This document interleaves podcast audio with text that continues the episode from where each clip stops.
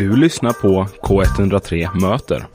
During Way Out West, British drum and bass artist venbee played the second to last gig at the Spotify Höjden stage. Despite the tiredness, she was undoubtedly looking forward to her gig. Feels good. I'm gassed. I'm I'm a bit tired, but I'm very excited to be here. I've never been to Sweden before. I want to eat some meatballs. Are you excited to be playing at uh, Way Out West? I'm very excited. Yeah, I'm I'm interested to see um, what the crowd's like. I'm very excited.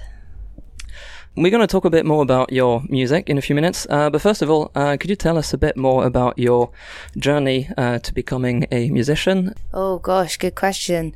Uh, I was. Uh, it's been like a big part of my life because my uh, my I've come from like a my my mum's side of the family is quite musical. Um, I started.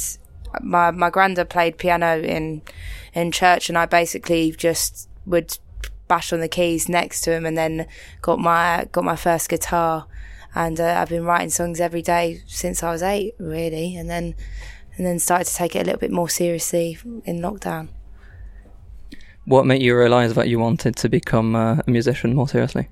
Well, I always wanted to be a songwriter, and I had no plan B, and I think I didn't really know how to get myself into a situation where I could get known as a songwriter. So TikTok and and just releasing tracks on Spotify became a thing, and then and then I changed my name to venbee, and then I posted Lowdown on TikTok, and and then it changed my life, and now I'm here. Essentially, that's my journey. So far, you've released uh, four songs in total. So mm-hmm. you mentioned Lowdown was the first one, then uh, the big hit, Messy in Heaven, mm-hmm. Gutter, and uh, more recently, Die Young. Uh, so could you tell us a bit more about your writing process and how you create all those songs?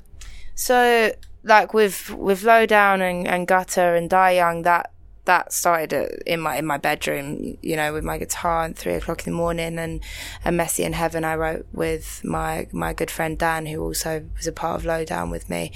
Um, it all starts, yeah, it all starts from guitar essentially, and it's just storytelling and, and, and poetry, and then and then we make it into drum and bass and and hopefully people like it as much as I do. But um, that's the the process. It also lyrics always come first for me for sure.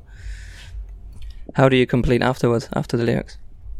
What What do you mean? How do I like match the track and stuff? I think it just you follow the story, um, and I think music music kind of um, makes itself once you get on a roll.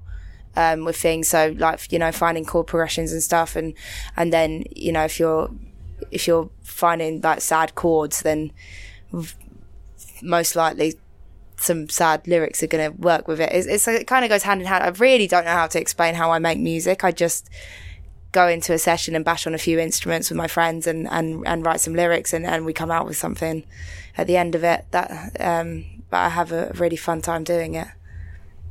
So more or less, you just yeah having a good time, and then something yeah, great yeah, comes out of it at some point. It's therapy inventing. That is all. All it is. A lot of trauma. Basically, I just sell my trauma for a living. To be honest, um, but uh, yeah, essentially, all it is is I, I trauma dump in songs and um, and and then get them out to the world. yeah, because you're very personal into your in your music. I mean, he, it talks a lot. I mean, your music is a lot about you, your experience, and things like that. Um, do you see music writing, songwriting as a vehicle in order to, uh, I don't know, exteriorize your emotions, feelings? Hundred percent. I don't think I'd I'd be um, in a very good position if I didn't write songs. Uh, it's my way of coping with my own emotions and coping with my own head. So, yeah, hundred percent is my it's my form of therapy essentially. So your last uh, single, Die Young, so that came out uh, at the end of June. Uh, could you tell us a bit more about the track? So, gosh, I'd I'd written that actually like uh, quite a while back, nearly a year ago now, and I'd gone in um, with my friend Nick into a session, Nick and Rick, and I had written the chorus for Die Young and, and some, some of the verse.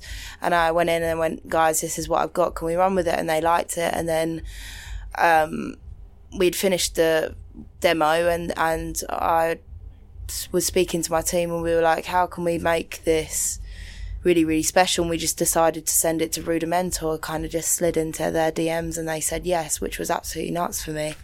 Um, so I'm very grateful, and they're good friends of mine now, which is uh, a bit bit weird to say. Um, but yeah. How is it to work with uh, Rudimental? Oh, it's great. They're lovely boys, and and they're very talented, and um, I'm honoured that I get to get to work with them and and be mates with them because they're good people. So you're mostly rooted in drum and bass. Would you say that currently in the UK there's like um, I don't know a renaissance, a big I don't know thrill for drum and bass? Yeah, I would say like drum and bass has, has never left, and I think the community that listen to drum and bass uh, uh, has, have also never left.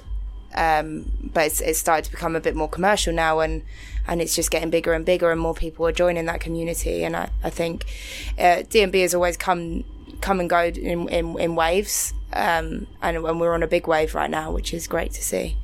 How could you explain that?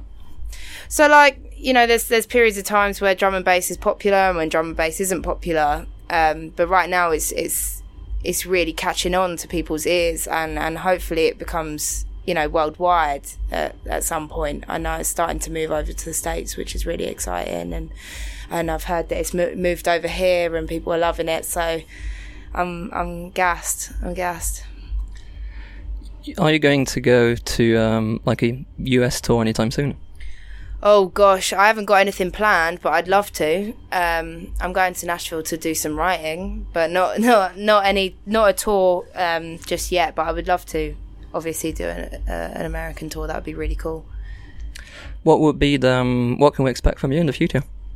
Loads of loads more music. Um, probably me doing a cu- couple of silly things. More more music and more shows and um, more TikToks, I guess. Hopefully, an album, an EP, mixtape. Uh, that a pipeline? Yeah, yeah. Mixtape at the end of the year, album hopefully next year, and and then see how we go. See how we go. I want to do. I want to do a European tour at some point. That's good ambition, I guess. Album, EP, is that going to be drum and bass, or is it going to be, um, I don't know, a bit merged with pop or anything like that? So my my mixtape is is DnB focused. Yes, um, but it's also like the when you when you take away the the drum and bass, they are technically pop tunes. So um, I think it's a, it's a mix of both. I think I'm I'm sitting in the middle between pop and, and, and drum and bass, and and that's what my mixtape is. For the album, I have no idea yet. I have no idea. I'm sorry, I haven't written it. I don't know. Nobody knows. No one. No one knows. Well, I guess everyone must be looking forward for that.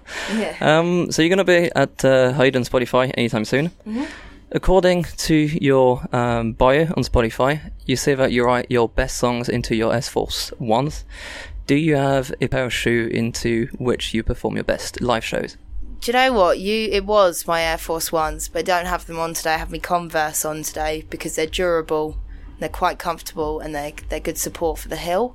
So, um, um, but yeah, the I did I do have a I do have an obsession with Air Force Ones, and my pair of Air Force Ones that I have, I've had them for five years, and I, I wear them quite a lot. My mum's trying to get me to throw them out, but I've not let her yet. Yet, yeah, I don't think I ever will, to be honest. But I do love Air Force Ones. But tonight is going to be Converse. Tonight Tonight's going to be Converse, but I am I am going to do that song, so I might just take my shoes off for that song and then put them back on afterwards. Cool. Well, thank you very much for your time. It was a pleasure to speak to you and uh, have a pleasant time in Gothenburg. Thank you so much. Thank you for having me. It's been a pleasure talking to you.